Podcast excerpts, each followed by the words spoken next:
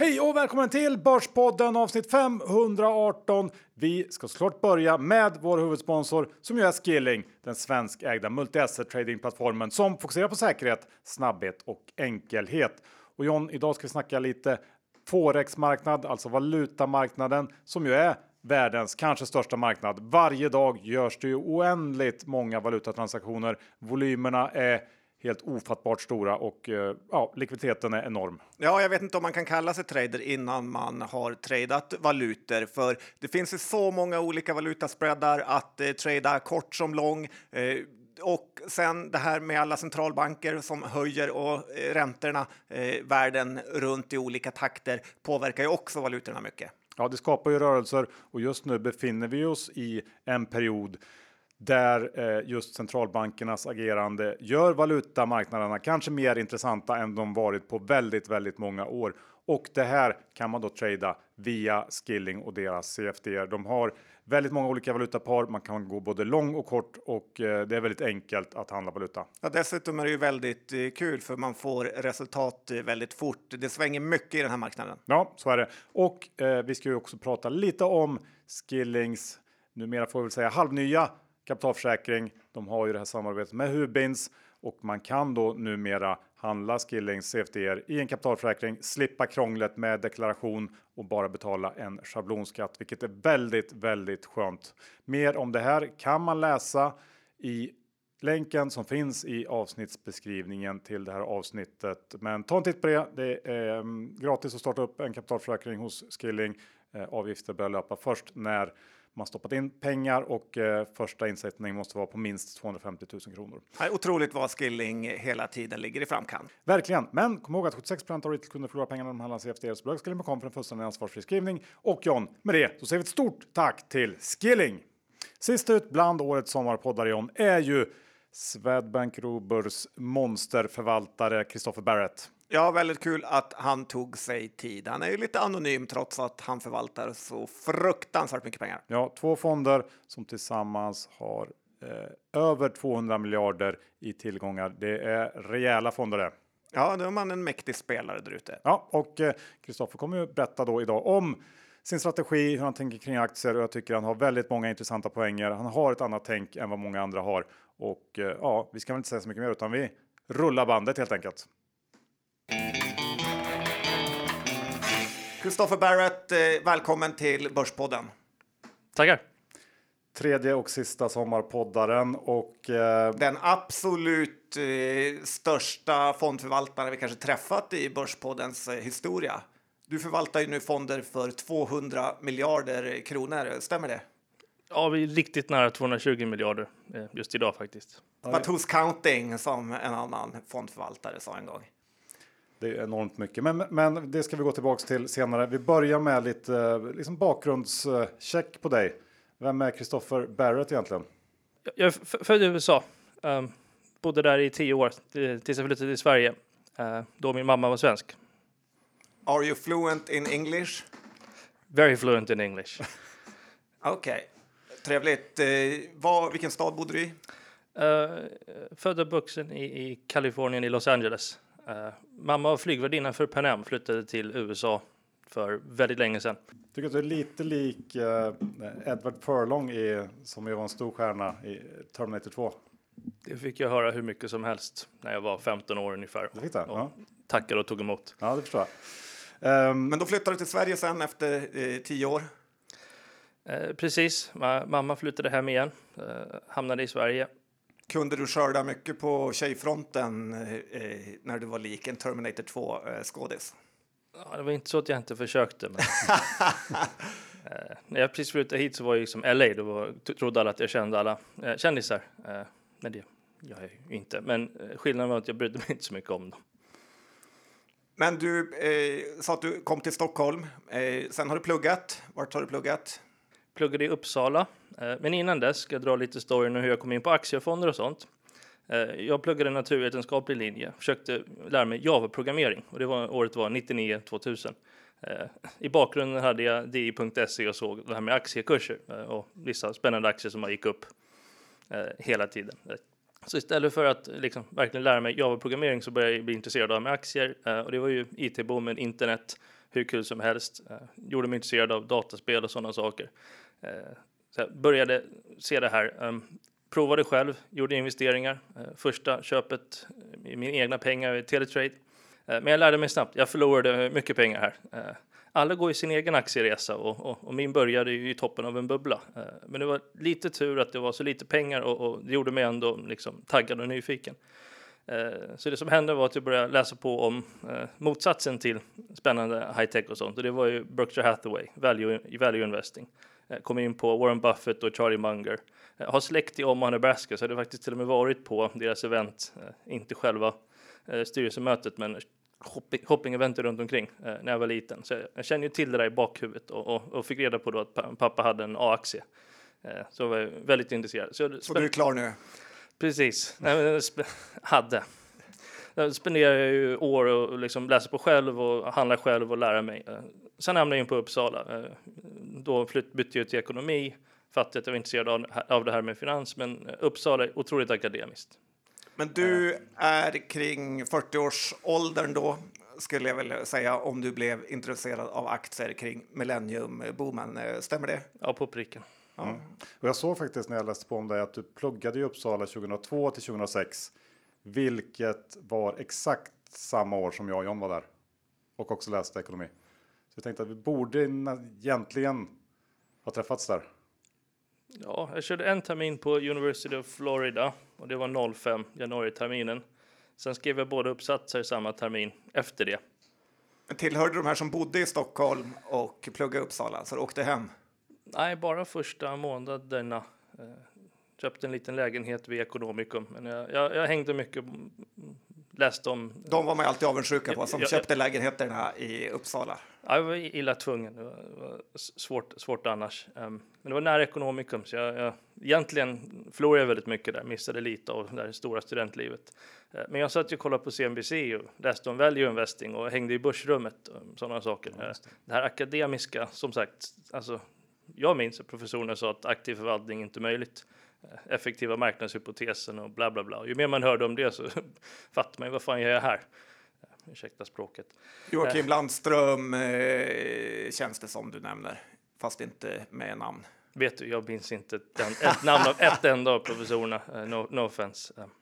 Det var lite kul ändå att Dino Gerge var väl eh, lärare i Uppsala och de om någon har ju verkligen trott på aktiv förvaltning. Ja, jag minns att de var där. De var inte lärare när jag var där, men de kom och presentera och berätta om ja, sitt bolag och sånt. Och det var ju superspännande att höra. Och sen blev du klar med plugget och då gav du ut i stora vida världen. Vad blev det för första jobb? Ja, jag, hela min resa är, är, på Ruber. Jag ska dra där, men det var viktigt att vara University of Florida också, för där kunde man faktiskt läsa om portföljteori, eh, göra en egen analys och sådana saker. Eh, väldigt, väldigt viktigt att se det här i praktiken, för det fick man inte riktigt göra i Sverige. Eh, jag hamnade på Robert, jag skrev ju uppsats åt dem, så kom en upp, uppsatsförfrågan vill någon skriva om Afrika. Och då tänkte jag, jag kan ingenting om Afrika, men det är ett fondbolag och eh, fonder är ju spännande. Eh, så jag hoppade på det, gjorde en liten intervju eh, för att få göra uppsatsen. Eh, den gick bra. Uppsatsen blev till ett sommarjobb som var lite längre eh, och sen till ett eh, ja, junior analytikerroll i emerging markets teamet. Eh, och då var ju emerging markets mest Östeuropa, så Östeuropa, Ryssland. Startade en Balkanfond och en BRICT-fond som sen blev emerging markets fond. Men när vi startade Afrikafonden fanns det inga förvaltare där, så jag sa att jag kan väl göra det. Så när jag var 25 år så fick jag ett förvaltningsuppdrag där jag var ansvarig eh, och det var ju hur kul som helst. Det är ändå ovanligt att få ett sådant ansvar nästan direkt. Ja, eh, lite tur att det är nya produkter, nya saker som händer, så eh, ingen som kunde det innan. Men en Afrikafond, vad köper man för bolag där? Det är Sydafrika då man får foka på. Precis, eh, och förhoppningen var ju att göra mer än Sydafrika. Så uppsatsen var ju att kolla på de andra börserna och vad som finns att investera där. Och det blev mycket råvaror då. Det var ju oljebolag och, och gruvor. Eh, och det är intressant, för det är lite grann hela min, min börsresa här. Att det började i de svåraste marknaderna. Så jag förvaltade Afrika, sen Ryssland och Balkan. Eh, bredare emerging markets. Eh, var jag åkte till Indien, Brasilien, Latinamerika. Eh, sen äntligen då 2010, eh, 11, 12 eh, in i Asien, där Taiwan och Korea där, där är tech. Så jag fick ju både köra governance-mässigt de svåraste länderna eh, och då liksom sektor på sektor. Så jag var tvungen att lära mig om eh, oljeindustrin och exploration och om eh, gruvindustrin, eh, konsumentvaror där det finns miljoners eh, eh, potentiella kunder och sånt. Så jag var ju tvungen att, att liksom köra eh, varje sektor. Jag fick också se väldigt mycket och det var ju, gjorde ändå emerging markets i, i tio år. Eh, Emerging markets-fonden ungefär, var ansvarig för ungefär 2013. Eh, och det gick rätt bra och då började jag ju åka till Asien mycket mer och då insåg jag att vänta nu, eh, emerging markets frontier är hur kul som helst och alla som gör det kommer ju alltid försvara det väldigt mycket. Men oj, det finns en helt annan värld här ute. Eh, tech hardware, eh, bolag som faktiskt är differentierande, som producerar sakerna som finns överallt i världen. Så, så eh, framförallt Taiwan och Korea så att man där liksom wow, det här är det här är ju här det händer. Det här är riktigt coolt. Sen var det ju väldigt nyttigt att resa till Filippinerna och Indonesien också, stora marknader, eh, men som kanske inte funkar riktigt lika bra och en del i, i en globala eh, ekonomi. Ja, det passar ju väldigt bra då att du nu rattar en global fond och en eh, techfond här. Vi ska gå in på din investeringsfilosofi lite alldeles strax. Men först ska vi ta tio snabba, den patenterade Börspodden frågeställningen. Är du redo? Ja, Hur eh, kan man sova gott om natten när man har ansvar för över 200 miljarder? Går det? ja, det går utmärkt. Sover, sover som ett barn. Tyvärr har jag ett barn och eh, han sover inte lika bra. eh, hade du några Silicon Valley Bank i portföljen? Jag har ägt den historiskt, ägde den inte när eh, katastrofen eh, skedde. Eh, lyckades sälja en, en bra bit innan det. Eh, Till. Alecta eller? Vem vet? Du, om du inte var fondförvaltare, vad skulle du göra då? Oj, det, det är en bra fråga. Det, jag, så jag hade gjort det här jobbet gratis. Eh, Jag tänker inte göra det, men jag hade gjort det. Eh, Men jag tänkte i spåren av eh, ändå lärare. Jag kommer in på det i filosofin sen. Är ju så här, nyfikenhet och vilja förstå hur världen fungerar är väldigt intressant. Om du var tvungen att ha alla fondens pengar i ett bolag, vilket hade det varit? Eh, Det skulle nog vara Berkshire Hathaway. Eh, Det är inte ett aktietips utan bara för att det är mest balanserat och sunt förnuft. eh, Kan du förvaltat. åka och hälsa på släktingarna och ta med dig Per H samtidigt? Ja, jag åker nog hellre själv till USA. Äger du något svenskt bolag? I Technology finns det ett svenskt bolag, Mycronic. Eh, återigen inte en aktierekommendation utan det är ett av bolagen i Sverige som har en så pass ledande ställning i det de är bäst på. Eh, så det är spännande. Okej, vi, vi eh, går över till din filosofi då. Hur tänker du?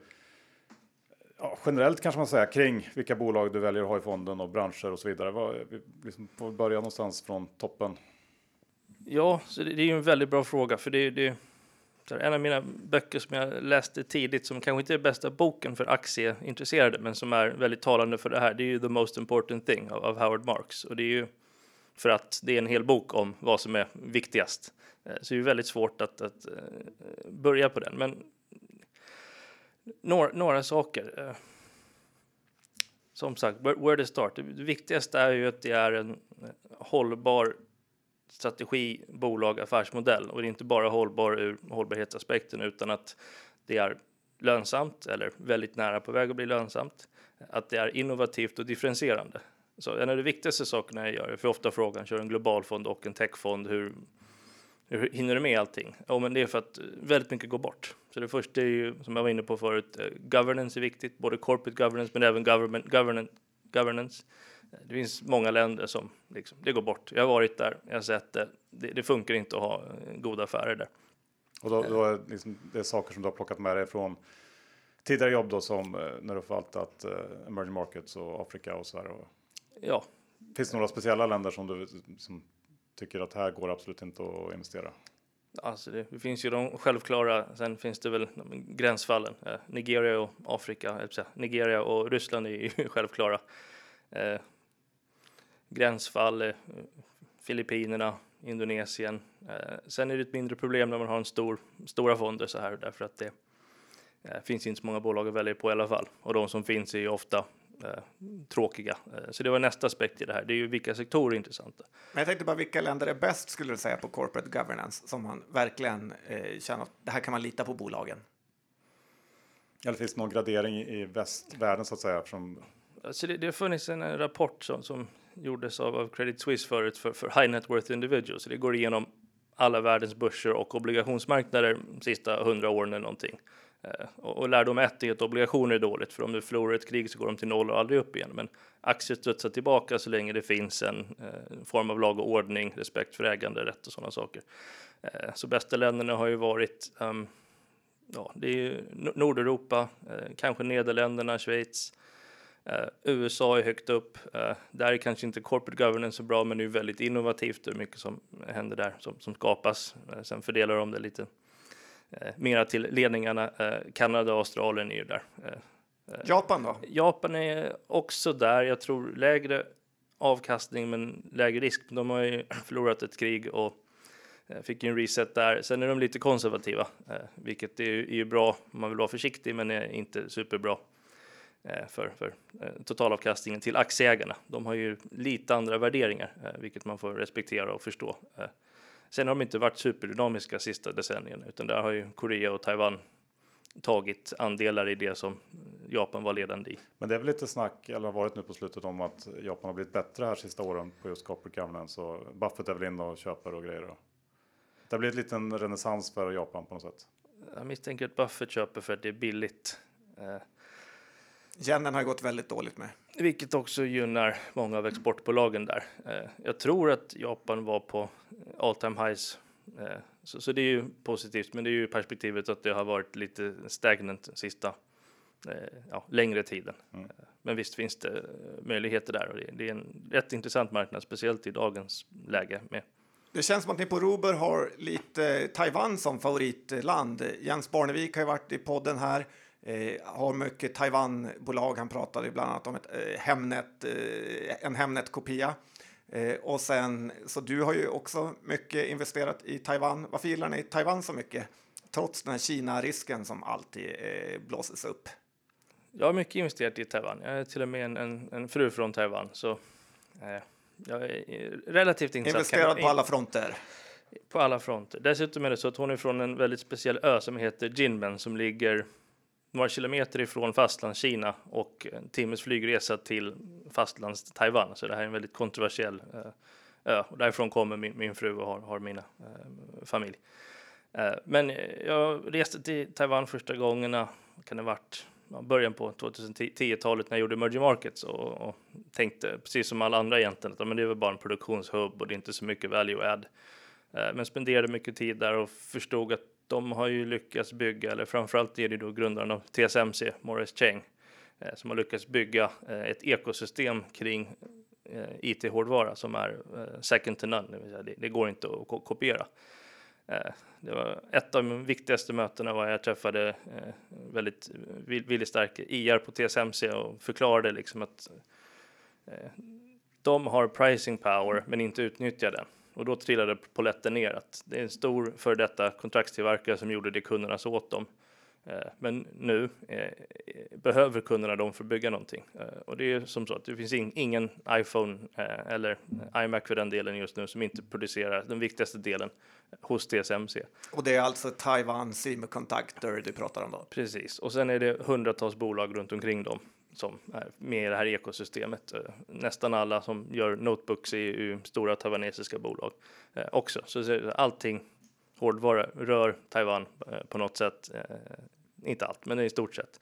Eh, och då har de pricing power. Sen har de väldigt bra bolag. Så de flesta bolagen där startades för sista 20 år sedan. De började ju göra leksaker och så, sen elektronik och, och mer avancerade saker.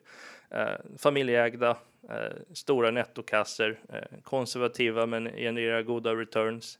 Eh, därför att de inte överanställer som man kanske gör i, i, i Japan. Eh, och är flexibla. Ibland så eh, går deras business upp massor om deras kund går bra och, och ibland går det ner. Eh, men trots det så är det inte så att de går med förlust eller något sånt, utan då skär de ner.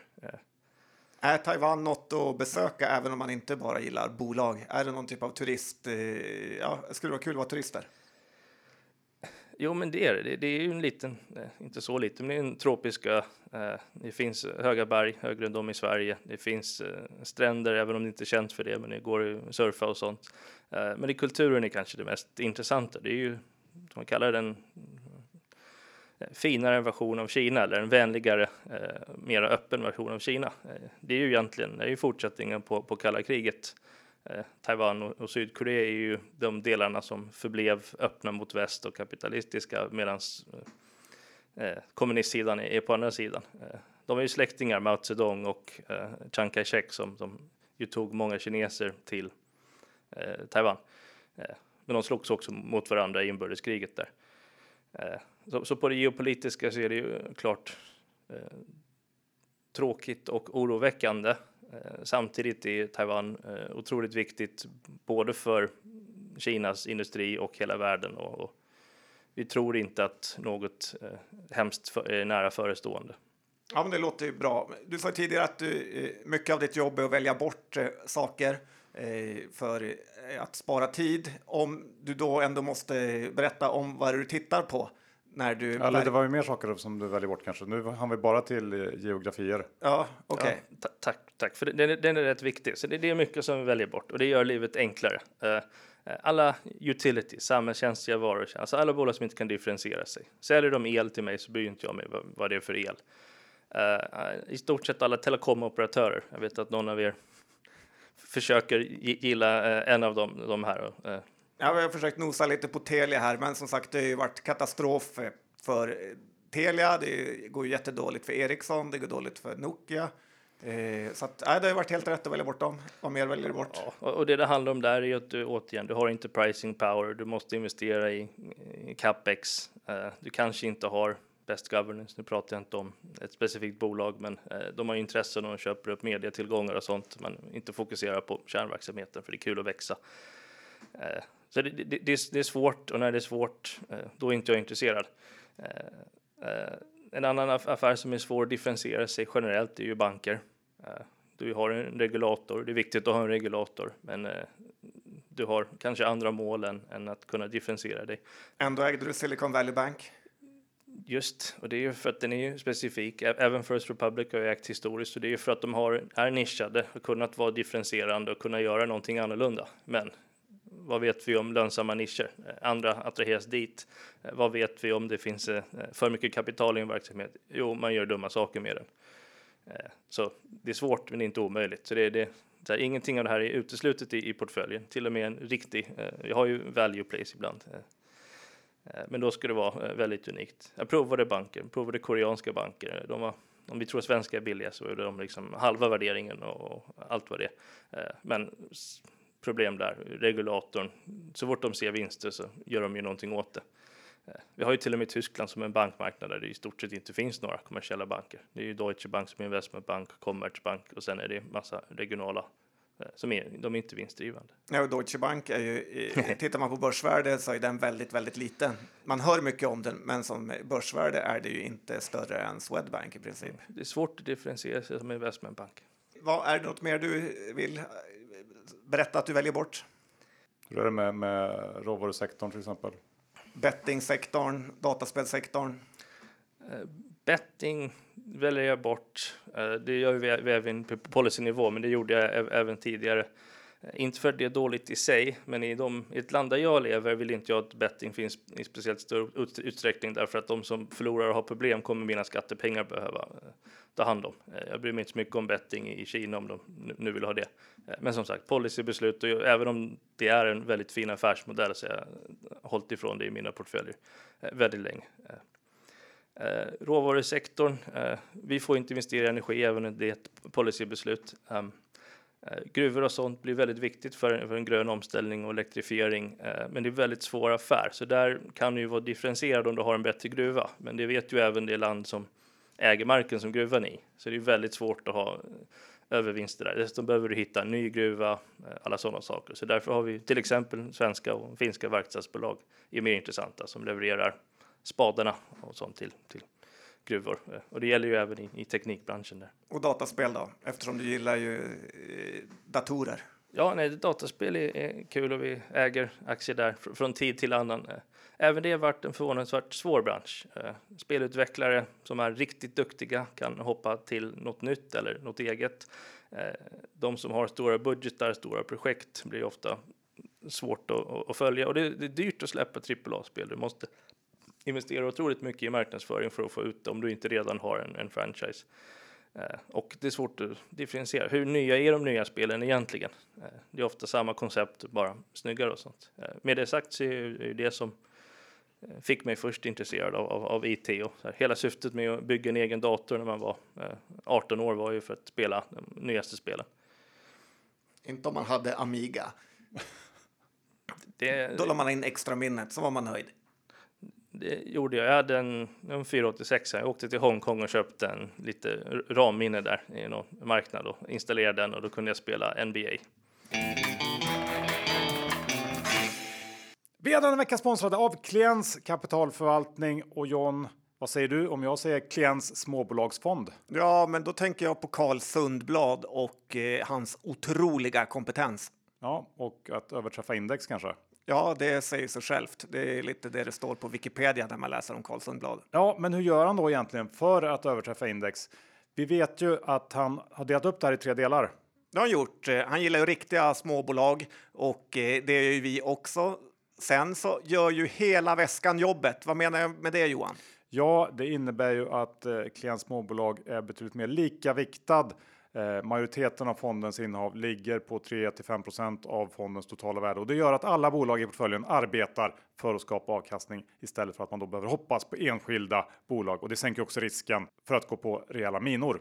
Ja, och sen på tal om att sänka risken, då gör ju Karl en annan väldigt, väldigt bra grej. Ja, han undviker ju såklart förhoppningsbolag, vilket vi verkligen kan skriva under på.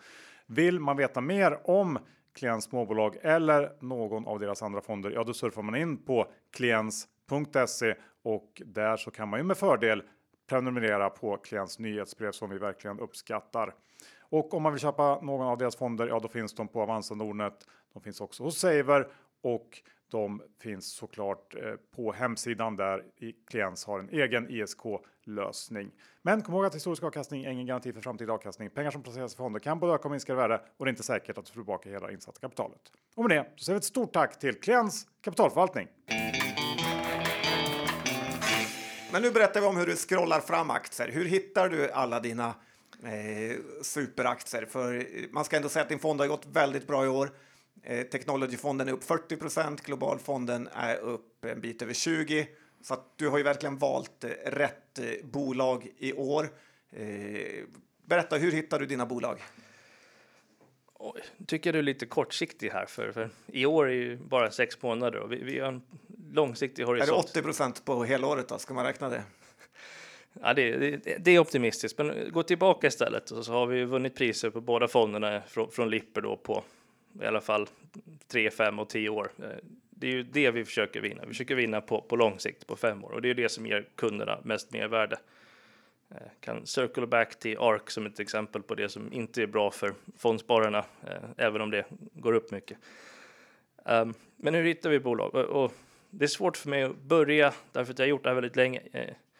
Jag gick ju över till Globalfond 2016 eh, och då tänkte jag, men vad bra, för då är jag tillbaka till min hemmamarknad. Så trots att jag aldrig professionellt hade jobbat med USA så är det marknaden jag alltid följt. Eh, så, det, så som jag ser det, att jag har byggt ett univers där jag egentligen förstår ja, alla bolagen, eller åtminstone alla, alla stora bolagen. Eh, och försöker bygga ett ramverk kring liksom hela värdekedjorna. Från det som går till kund ända väg tillbaks till ja, råvaran eller, eller och så försöker titta där, var finns innovationen i alla de här olika stegen? Eh, så ett enkelt sätt är faktiskt om vi börjar från andra hållet att se vilka är världens största bolag eh, eller världens rikaste personer? Ja, Amazon är ett exempel. Och, Jeff är rik, ja. Jeff är rik. Gav bort hälften, men det... Det frugan. Han klarar sig ändå. Eller gav han bort, eller hon tog? Så, så som det funkar händer det. Men det han gjorde var ju att han hade ju en affär, en idé. Om jag minns rätt så var det att han såg att internet växte som fasiken och förstod att det här ska vi satsa på. Och så gick han all in och så fortsatte han gå all in. Han sålde ju aldrig någonting. Eh, och växte liksom en del åt gången. Eh. Och så blev han rikast i världen. Och det är rätt instruktivt om man bara tänker hur ska vi hitta aktier som går väldigt bra? Vilka är rikast i världen? Vad gjorde de? Eh, jo, okay, de satsade på en, en aktie ett bolag och så sålde de aldrig och fortsatte växa. Elon Musk, är inte han rikast i världen? Han är rikare nu och det är samma sak där. Han sålde ju vissa på vägen, men startar ju alltid någonting nytt. Vi har alltid flera järn i elden och sånt. Har du några Tesla? Nej, jag äger inte Tesla. Kan komma in på eh, varför, men vi ska säga att vi föredrar eh, andra teknikaktier. Eh, men det skulle komma till är så Amazon är en av de största bolagen i världen. Amazon är ännu större än Tesla, lite det. Eh, och det är ju för att de byggde det som är den största slutmarknaden och idag är ju det clouden, eh, speciellt om man tänker teknik. Och clouden är ju egentligen bara att flytta sin datakraft till någon annanstans. Eh, men du sparar otroligt mycket när du centraliserar det. Eh, du behöver inte sätta egna pengar för att bygga saker. Eh, du har utvecklare som kan utveckla open source och andra saker och, och liksom all digitalisering eh, som vi skapar idag, eh, all AI som ska göra livet lättare kommer bygga, bygga, byggas ovanpå de här plattformsbolagen som är cloudbolagen. Eh, och då, det är som man börjar där, okay, de är största bolagen, de tjänar otroligt mycket pengar. Det, eh, de är redan stora, så, så, så det, det är inte nästa jag tänker, ska man tänka Amazon som ett web services, alltså cloudbolag, mycket mer än man ska tänka det som att eh, de är, säljer saker? Ja, men det, det hör ihop. Men egentligen är Amazon flera bolag, för de inte bara säljer, säljer inte bara saker, utan de har byggt hela infrastrukturen kring warehouses och sånt. Så de har ju tagit, kan kallar det, corner i att skeppa saker, framförallt i USA eh, med modern infrastrukturteknik som är ju mer effektiv kanske än deras före detta eh, leverantörer då, Fedex eller, eller UPS. Men nästa steg, de här bolagen tjänar de här pengarna, men vad spenderar de på? Jo, de har capex på 30 miljarder dollar. Var går de pengarna? Ja, men det är ju in i eh, datacenter. Eh, vem levererar till datacenter? Ja, men det är, ja, det är Nvidia. Det är TSMC som producerar chipsen. Eh, så går man går tillbaka hela den kedjan så ser man okay, TSM, TSMC är viktigt, men då har ju de underleverantörer. Vilka är de som säljer de här väldigt avancerade maskinerna till TSMC? Jo, det är ASML eller Applied Materials. Eh, och lite grann på den vägen är det. Okej, okay, så du börjar lite från toppen och så går du hela vägen ner. Ja, jag, du följer eh, samma jag började, bolag lite grann. Precis, jag började åt andra hållet, för jag började med liksom emerging markets och TSMC, så lärde jag mig uppåt. Men det du ser är var pengarna flödar. Var finns det övervinster och vad gör, vad gör, vad gör, gör investeringar? Eh, vi har många bolag som tjänar på ökad R&D Eh, det är ju väldigt intressant space i det hela. Eh, typ en Synopsis och Cadence eller en Keysight som är ju tre intressanta bolag som alla egentligen är eh, mjukvara eller hårdvara för att utveckla nya tekniker, bättre kommunikation eller snabbare chip. Ja, spännande. Hur går det egentligen att hantera eh, så här stora belopp som du får snurra runt när du vill köpa in det i bolag? Eh, att ja, men du har 10 miljarder kronor, pratar vi om, i Nvidia. Eh, det är enorma belopp i ett bolag. Ja, det är ju ett av världens större bolag nu, men det är väl en grej. Man hamnar ju lite grann i de större bolagen Eh, fonden får ju investera, båda fonderna får investera både i små och stora bolag, men det är en stor fond. Eh, det finns både fördelar och nackdelar. Um, fördel med, jag brukar kalla det en supertanker. Eh, fördelen med det är att de krockar mycket mer sällan än en motorbåt. Eh, och med det menar jag lite grann att eh, jag gör små rörelser, många affärer, nästan varje dag är det någonting. Eh, här är en viktig sidospår, det är ju om man köper på neddagar, vilket man kan, säg 2% ner, och du har ett väntevärde på 8% totalt så ökar du ju dina sannolikheter att tjäna pengar med 25 eh, över tiden. Eh, så det är också det är en grej. Man kan vara väldigt smart när man köper. Man behöver aldrig jaga uppgångar. Eh, jag har ju listan eller innehaven som jag gillar. Så lite grann en likviditetsprovider. Du tradar runt innehaven alltså? Köper in långsamt, säljer ut långsamt. Så vi byter sällan riktning på kort sikt. Sen är ju det här, 8 är, är rimlig avkastning på he hela börsen. Eh, så, så ju, man kan tjäna man några procent eller spara eh, eh, på affärerna, på att göra affärer så är, är det faktiskt det är inte noll och intet. Men jag tänker Nvidia, den har ju gått från liksom 150 till 400 i år bara. Är det inte lätt att sälja bort sig om man eh, jobbar efter den strategin? Ja, men vi säljer långsamt. Det är fem punkter om dagen i så fall. Eh, och det är det som är grejen med de små fonderna. Då blir man sugen. Fan, 50 procent upp. Man säljer ut halva, halva positionen. Eh, men det går liksom inte för dig? Utan det blir, nej. nej. Men, men då sitter ju de där och har inga och så måste man ta ett fler. Det, det gör att varje beslut blir mindre dramatiskt och det är jätteviktigt. Eh, för det är, det är kanske det viktigaste. Alla går i sin egen aktieresa, men det är även den psykologiska resan. Det är fråga om hur det är att förvalta mycket pengar. Jag ser inte så mycket pengar. Det är siffror på en skärm. Sen är det ju folks riktiga, hårt förvärvade, sparade pengar. Men så kan man inte tänka, för då har jag flera hundratusen personer som är arga på mig om jag har en dålig dag. Det, det mår man inte bra av. Hur många fondandelsägare har ni? Ja, det är inte officiellt, men det måste ju vara flera hundratusen. Eh, Technology, förutom soffliga fonden, tror jag är störst i PPM. Eh, så det är ännu fler, för vi ser ju bara PPM som en kund. Så det är många helt enkelt. Men känner man att när det går bra att eh, inflödet ökar då? Att eh, folk vill vara med på en framgångssaga och eh, känner man press som förvaltare att fortsätta leverera? Så, ja, men det är ju lite tyvärr. Jag vill inte få in pengar när det gått bra eller efter det gått bra eller för att det har gått bra i absoluta tal och det är ju det som folk reagerar på tyvärr, utan jag vill ju ha in pengar Eh, helst kontinuerligt eller gärna när, när det är lokala bottnar, när det är lite, inte panik, men när folk är oroliga. För det är då det är bättre ingångsvärden helt enkelt. Jag tänkte eh, makro, det är någonting som du lägger någon större vikt vid? Liksom skapar du någon slags makrobild som du också bakar in i? In, inte egentligen, och det är ju för att innovation, ränta på ränta effekten, compounding, det, det krossar all makro eh, på sikt. Eh, sen är det klart, man vet ju om var man är i en cykel, inte kanske en ekonomisk cykel, men det finns ju även många eh, teknologicykler och sådana saker. Eh, men jag har aldrig försökt tajma dem, så det är inte det som handeln handlar om, utan det är bottom up. Har du rätt bolag så kommer du bli förlåten. Liksom. Betalar du dessutom rätt pris, då kommer du verkligen bli förlåten. Den här med AI-hypen då, är den överilad? Har börsen tagit ut för mycket förskott? Eller kommer vi se mer av den?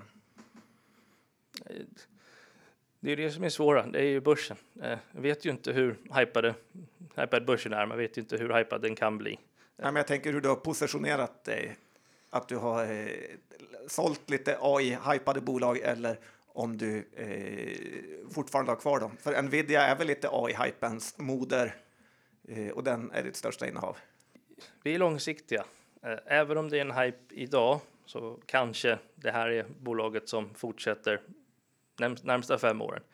Eh, vi såg ju internetbubblan. Det, det är klart, vissa saker gick upp och sen gick de ner mycket. Eh, vi hade en bubbla för två år sedan och det var ju inte så många som satt, satt och frågade liksom, ska du sälja nu för det är upp? Utan det var ju nu är det upp, varför äger inte du någonting? Eh, och jag har ju sett det här, så jag, jag, jag har gjort liksom börspsykologi one-on-one i, i 20 år nu. Och det är en grej jag ska vara väldigt tydlig med att jag skiljer på. Det är ju det här kortsiktiga handeln och det fundamentala underliggande. Eh, jag separerar dem nästan helt. Det, det finns fundamentalt. Jag har en syn på värdet på eh, alla bolagen jag har eh, i stort sett. Eh, eh, men egentligen är det bara, är det värt mer eller mindre vad den handlar idag? Eh, sen har du ju börsen och den är ju egentligen eh, väldigt ofta helt tokig. Eh, men jag vet ju inte hur länge den kommer att vara tokig och jag vet inte om jag säljer allting och kommer få en möjlighet att köpa igen. Eh, så återigen, de här lång, långsamma rörelserna, titta på fundamentan, är någonting övervärderat väldigt länge, då kommer man ju sälja ner det. Um, är det undervärderat väldigt länge så kan det bli en väldigt stor position. Uh, också det viktiga med att inte behöva äga något eller jaga någonting. Uh, Nvidia är nu trillion dollar company, uh, bland de tio största, så det är ju, kommer ju vara viktigt för alla att följa. Använder du AI någonting själv? Oj, väldigt lite i det konkreta, det vi pratar om AI. Men sanningen är det som hände med ChatGPT och allting, det drog egentligen bara AI till eh, allmänheten. Eh, det har ju pågått liksom AI i bakgrunden och, och andra typer av maskininlärning eh, och intelligens. Så det har ju pågått under i alla fall några år och det håller på att bli mer avancerat. Och nu har vi ju sett en, en use case som verkligen relevant och där alla kan använda den. Eh, och det här kommer att fortsätta. Det kommer ju vara flera år av eh, innovation och utveckling. Eh, det kommer otroligt svårt att pricka vinnaren ur de som har slutprodukten. Men det jag ser är att allting landar tillbaks in i cloudbolagen är relevanta, mjukvarubolag som har databaser, hårdvarubolag som Arista, Broadcom som bygger pipelines in internet och, och även då liksom de här datacenterutbyggnaderna. Okej. Okay. Eh, jag tänker, eh, om vi tänker på Sverige här, eh, är det inte lite liksom underbetyg till hela Sverige att du har ett enda bolag? Du har rest jorden runt 30 varv och du bor i Sverige, men ändå finns ett enda bolag som eh, eh, du har valt och resten duger inte. Och det har varit helt rätt också får man säga med tanke på dels hur svag kronan är. Eh, men vad gör Sverige för fel? Jag har några finska och danska bolag. Berätta om dem. Ja, det är Metso och Valmet som är i då basindustri eller eh, industribolag till basindustri. Väldigt Låter viktigt. som Globalfonden va? Inte tech Ja, det, det, mm. det, det är Globalfonden eh, givetvis. Eh, men svaret är egentligen enklare för, för varför inte Sverige. Vi har ju eh, systerfonder och eh, många Sverigefonder och sånt och, och jag ska inte in och, och klampa i de områden där, där de fokuserar. För, för en global fond finns det en global fond och en global techfond finns det ju andra saker att titta på. Dessutom största svenska bolaget i, i, min, i, i det direkta universet är väl Ericsson och eh, ja, du nämnde det tidigare. Ja, det var inte din favoritsektor eh, då. Eh, har du någon förebild som investerare? Så det blir egentligen blir det ju eh, Munger och Buffett. Eh, sen med vetskapen då att jag vet att de är närmar sig 100 och är från en annan generation. Eh, men jag tror några av de värderingar de tar med sig. Eh, försök till att vara ödmjuk, väldigt viktigt. Eh, jobba på den, liksom Charlie Munger. Ehm, men framförallt sunt förnuft, förstå värdering, försöka förstå vad du investerar i. Jag kan inte säga att jag förstår allt, men vi försöker göra det. Ehm. De är ju största, eller ett enormt innehav i Apple. Har du något i Apple? Eh, techfonden har en eh, mindre position i, i, Apple, men du får komma ihåg TSMC är sole supplier för väldigt viktiga delar eh, för, för Apple. Och... Så att du har följt linan ner där. Bolagsbesök, är det något du tror på? Jag gör mycket bolagsbesök. Det är väldigt lärorikt och, och intressant. Men så här, egentligen är det ju först vid första mötet så, så lär man sig 60 procent av, av, det man behöver. Vid andra mötet 20, vid, vid tredje mötet 10 procent.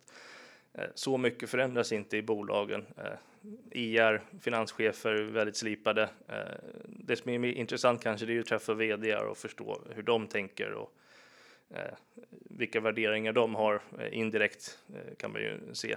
För det är otroligt viktigt. För, för en viktig grej som är underskattad är ju kapitalallokeringen i bolagen. Det spelar ingen roll hur mycket pengar du tjänar om du går och sätter in det i en dålig business. Eh, sen är ju väldigt viktiga saker som stock-based compensation och sånt, speciellt i, i techvärlden som är, är högst underskattat. Ju mer aktier du trycker, desto mindre aktieägarna får. Eh, är du, spelar ingen roll hur bra bolag du är eh, nästan. Om du trycker för mycket aktier så kommer det inte komma till aktieägarna eh, till nytta. Och det finns många sådana bolag där det är superbra vdar, men de är närmare sina utvecklare eh, än aktieägare. Och det får man ju respektera, men bara man vet om det, annars kommer man bli väldigt besviken. Eh, ska vi prata lite bolag kanske? Är lite kul. Eller Johan, har du något du vill? Ja, det tycker jag. Eh, lite mer gå ner på, på några stycken. Jag vet inte om du... Kan du inte bara säga ditt favoritcase just nu? Börja med det. Jag kastar upp den till dig. Nej. Något du är lite så här superstoked på? Det, kan jag inte, för då måste vi varit, vara fullinvesterade och det, det är vi nästan aldrig. Okej, okay. eh, men vi har pratat Nvidia, behöver inte prata mer. Det är enorm. Eh, många svenska småsparare har ju tagit del av Eh, den hypen och såklart alla som äger din fond. Microsoft är ett annat bolag som jag tror var den näst största position och även här har vi ju, om vi tittar på en av världens rikaste personer i Bill. Eh, har du följt eh, ska trickle down economy det med? Microsoft och de som eh, hjälper Microsoft, underleverantörer? Eller vad är det du ser Microsoft? Ja, nej men det det är ju cloud-storyn som är ju stora storyn där eh, med, med Azure. Sen att de har Windows och Office och sånt i, hos, och Teams hos nästan alla. Liksom. Det är miljoner, om inte miljarder människor. Eh, så de är ju en självklar vinnare sen, eh, som bolag eftersom de redan finns där. De kan implementera AI-grejerna, de är ju enabler för ChatGPT. Eh, men det är också väldigt stort, så det är ju inte det som kommer att ge den enorma överavkastningen. Men det är ett viktigt bolag i ekosystemet. Vad är enabler för ChatGPT? Ja, det är ju de, ChatGPT drivs på Microsofts server, servrar eller cloud. Okay. Eh, som, och de har köpt in Nvidia GPUer som har producerats hos TSMC i Taiwan. Ja. Som producerats av maskiner från ASML, Applied Materials. Jag tycker en viktig grej, så hur man tittar på saker, det är ju så här, innovation. Vad är det? Och vi, vi, har ju tre spår egentligen. Det är ju atomer, materialteknik. Men de här chipsen med, det är ju miljarder små linjer som är mindre än hårstrån eh, som har skrivits in i Eh, ja, Johan i, vet i, ingenting om Nej, i, i, i, det stämmer ju. Eh, men i sand, i stort sett börjar man med sand och så manipulerar man det eh, flera hundra gånger, om inte tusen, och så blir det ett chip som kan göra massa beräkningar eh, sådär snabbt. Det är rätt coolt och det är några maskiner i världen som gör de här grejerna. De har ju så att säga en right to make money för att det är svårt att göra. Ingen kommer kopiera dem imorgon. Det är kapital lätt för de gör faktiskt maskinerna och säljer dem det är ju ena spåret. Så det är ju liksom hur vi eh, manipulerar atomer, eh, eh, världen. Eh, sen är det ju hälsovårdsspåret, så celler. Allt vi är byggda av är ju triljoner celler. Eh, hur coolt är inte det? Hur funkar kroppen egentligen? Ah, vi, vi vet otroligt lite, men det forskas i det. Där är det innovation. Där är det ju svårt att kanske investera i Eh, vem som kommer hitta nästa stora grej, men vi vet vilka maskiner återigen som används för att eh, lista ut det här. Och där har vi två bolag som, som i globalfonden då som är Thermo Fisher och Danaher som exempel. Eh, det är otroligt spännande. Och sen har vi ju den enklaste här, det är ju BITS, datacenter, digital information. Det är ju där det har varit mest innovation och det som är enklast egentligen, men också det som också kanske självklarast där alla, alla letar. Men du har bestämt att de här tre områdena är framtiden eller har någon annan sagt det eller? Nej, jag har läst en massa böcker. Så det är en fråga, inte om grundläggande filosofi och sånt, men det är, det är ju där det börjar, det är att man är nyfiken. Men, men... Reser runt väldigt mycket, läser mycket böcker. Eh, jag läser ju hellre en bok än en, en artikel där, för jag vet att den som har skrivit boken har sannolikt spenderat flera år på att researcha och lära sig om den. Eh, den informationen blir väldigt mycket mer värdefull om man tar med sig till en bolagsledning. Och, så här, det, det räcker inte med att göra en DCF och så träffa ett bolag och fråga hur kommer det gå för er? De vet ju inte själva. Nej, det är intressant faktiskt att bolaget inte alltid vet själva hur det kommer gå. Men jag på Men de, amerikanska bolag kommer alltid säga att de är bäst i världen och ingen annan är relevant. Det är rätt kul faktiskt. Men... Att, att de här, man, det sättet du tänker på, då blir det också lite olika kanske typer av bolag, olika, eh, alltså de, de kan ju röra sig lite olika också i beroende på vart man är i börscykeln och så där. Ibland går vissa, en grupp bolag bra och andra lite sämre. Och, eh, hur tänker du kring det där? Ja, det är väl jättebra. Då får man ju en köpläge de som går sämre. Ja, det, det, det, viktiga är att bolaget är eh, lönsamt eller som sagt eh, nära lönsamt. Eh, men framför allt att de har en, en, bra affärsmodell. De har en nisch eller område där de är. Oftast är de ju ledande på någonting. De ska helst inte fokusera på sina konkurrenter, de ska fokusera på det de gör och hjälpa sina kunder ju närmare kunderna man är, desto mer kunderna är beredda att betala. Eh, här, vi har hållbar tillväxt som ett mantra och det är ju faktiskt väldigt intressant. Det är ju, hållbar tillväxt är ju när bolagen gör mer av det kunderna vill göra och fortsätter investera i det. Eh, och då har du ju den fundamentala biten i analysen att fundamentalt så som om vinsterna eh, ökar år efter år och man kan ta pengarna och investera i nya innovativa grejer, då kommer de här bolagen bli värda mer. Eh, sen har du andra sidan vad gör börsen åt det? Men ibland är de ju negativa och, och, inte ger betalt för det och ibland ger de betalt för det. Men, men så nu då, nu har ju då börsen fått upp ögonen för AI-bolagen som vi pratar om, verkligen, och liksom belönat dem. Men finns det någon, någon grupp av bolag som du har i ditt universum som du tycker att nu är de nere i kanske mer av en svacka och ja, mer intressanta just nu? Ur den aspekten? Ja, det blir, blir mera den globala världen och hälsovård är ju Eh, lite i en svacka. Vissa bolag gynnades ju av, av covid och har lite sin, sin hangover nu eh, på det och de är i en svacka. Och det Ja, men det gillar vi också. Vi har köpt mycket av cancerbolagen eh, själva här. Eh, En sak som jag tycker är kul att titta på är ju att du äger Cisco. Eh, det är väl lite åt Ericsson-hållet. Man har ju pratat om att Cisco ska köpa upp Ericsson. Eh, varför har du det? Det är ändå lite mot telekom-inriktningen som du sa att du inte gillar. Ja, det, det lite det, men inte helt. Så, så Cisco är fortfarande networking equipment och, och här, internet växer fortfarande, även om telekomoperatörerna inte tar, tar del av det. Eh, Cisco har ju haft en, eh, ska jag kalla det, stabilare governance än det svenska eh, bolaget du, du nämnde där. Eh, och de genererar enorma kassaflöden till högre marginaler, så det är mycket, mycket stabilare också. Så de har ju faktiskt ökat sina marginaler trots att de inte har någon större tillväxt. Men de tjänar 10 miljarder dollar i fritt kassaflöde eh, år in och år, år ut här. Eh, det, det, det, är också en viktig grej varför techfonderna har gått så bra sista åren är ju för att vi har ju balans mellan spännande bolagen som alla älskar och eh, kanske det lite mer fundamentalt eh, hållbara här som jag sa. Value och tech i, i samma.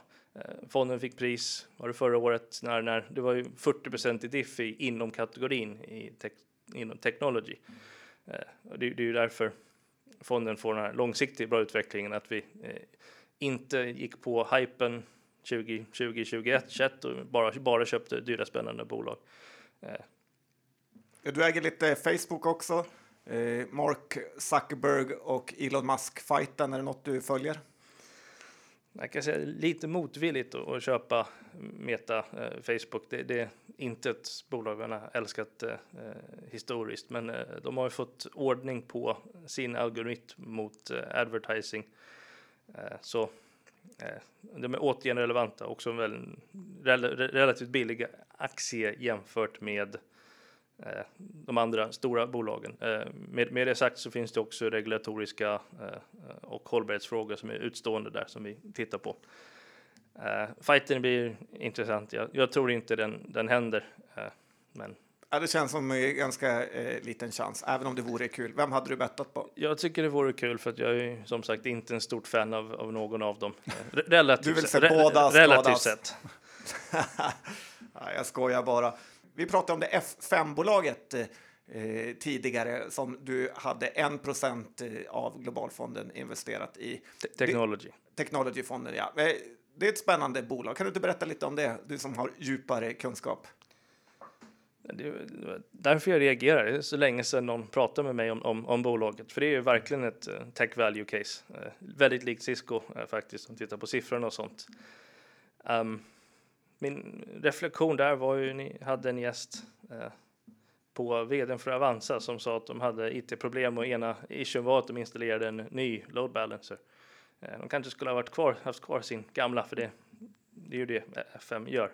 Eh, jag vet inget om exakt deras detaljer, men poängen är att det här är en gammal produkt som har funnits eh, länge. De förnyar givetvis produkten, men bolaget har varit konsekventa och gjort det de gör väldigt länge. Det är inte spännande. De försöker köpa eh, några lite mer spännande bolag för att eh, öka utvecklingstakten. Men det är alltid en fin balans här om du ska vara value och vara lönsam eller om du ska återigen försöka eh, hitta liksom nästa tillväxtspår. Eh, de har väl haft svårt att hitta tillväxtspåret, men det växer fortfarande och är, ja, genererar väldigt bra kassaflöden.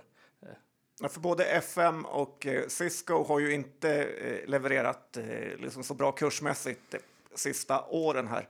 När tröttnar du på ett bolag? Även om du gillar det, för du vill ändå se uppgångar.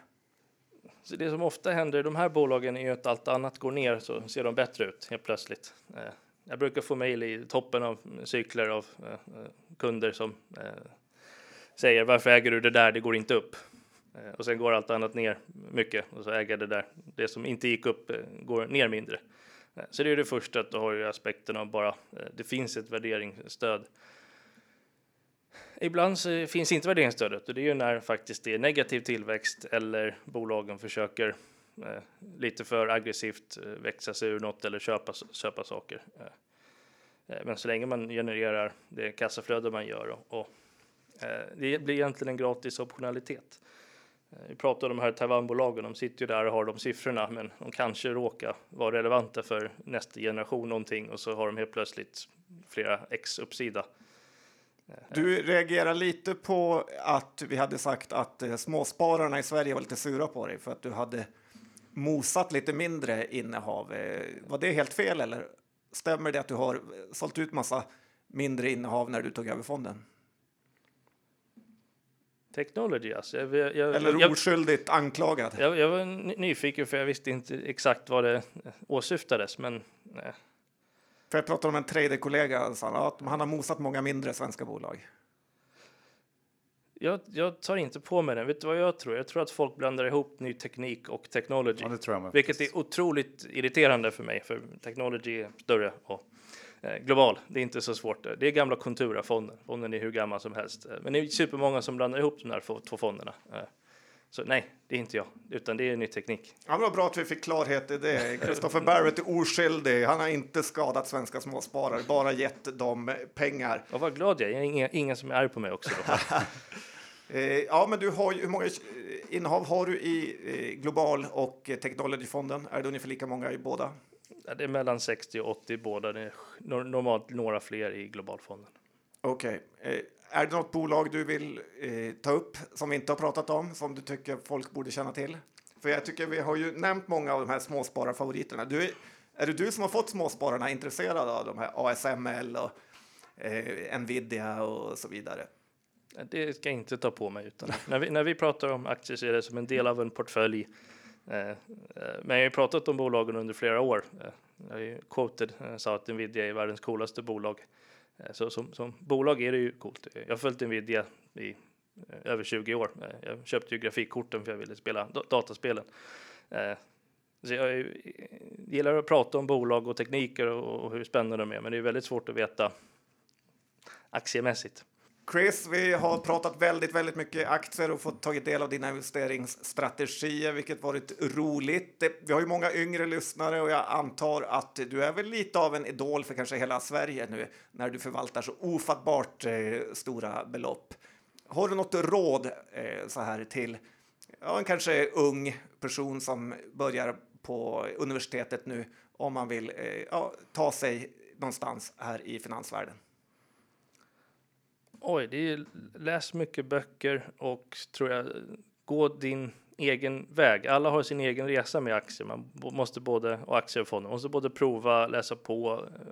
Eh, är man genuint nyfiken och intresserad så, så eh, kommer man lära sig en hel del. Eh, så finns det även eh, bra resurser på, på Youtube och sådana ställen.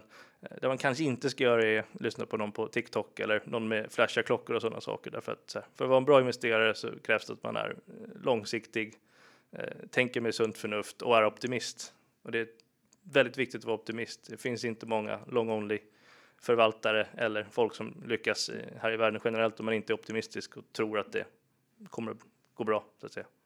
Ja, men det var en härlig avslutning. Verkligen. Eh, stort tack Stoffer för att du kom till Börspodden. Tack grabbar.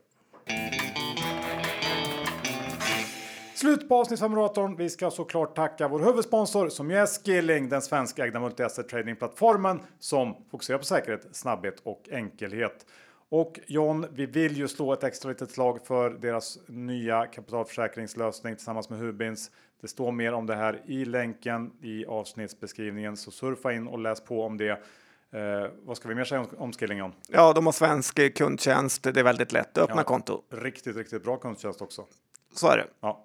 Så att det är bara att surfa in och öppna ett konto. Men kom ihåg att 76 av retailkunder förlorar pengarna när de handlar CFDs. Bögskilling.com för en fullständig ansvarsfri skrivning. Och John, med det så ska vi tacka för att ni lyssnat. Nästa vecka är vi tillbaks och snackar aktier och händelser precis som vanligt. Ja, tack eh, för den här veckan och eh, sommarpodd-episoden. För nu är det du och jag igen. Nu är vi ensamma. Så ha det bra där ute. Hej då! Hej då!